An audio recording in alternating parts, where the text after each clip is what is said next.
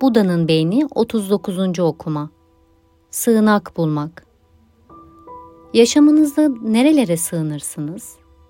Sığınaklar insanlar, mekanlar, anılar, fikirler, idealler yani gardınızı indirebilmeniz, güç ve bilgelik toplayabilmeniz için size güvenilir bir korunma ve alan sağlayan herhangi biri veya bir şey olabilir. Çocukken muhtemelen annenizin kucağına, yatağınızda kitap okumaya ya da arkadaşlarınızla vakit geçirmeye başvurur, buralara sığınırdınız. Ben şahsen evimin civarındaki tepelerde bolca vakit geçirir, zihnimi boşaltır, doğa sayesinde yeniden güç toplardım. Bugünse bir yetişkin olarak belirli bir mekana ya da aktiviteye, örneğin kilise veya tapınak, köpeğinizle sakin bir yürüyüş, uzun bir banyo veya arkadaşınıza, dostlarınıza, belki de bir hocanıza sığınıyor olabilirsiniz. Bazı sığınaklar tanımlanamasalar bile potansiyel olarak çok daha derindirler.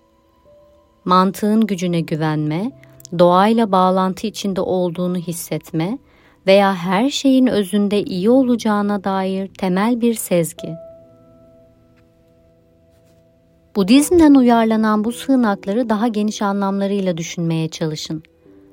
Öğretmen Bir inanç geleneğinin merkezinde bulunan kişinin güven duyduğu İsa, Musa, Siddhartha veya Muhammed gibi tarihi bir figür, bu kişide somutlaşmış sizin içinizde de mevcut bulunan özellikler. Gerçek Gerçekliğin kendisi ve ona dair kesin açıklamalar.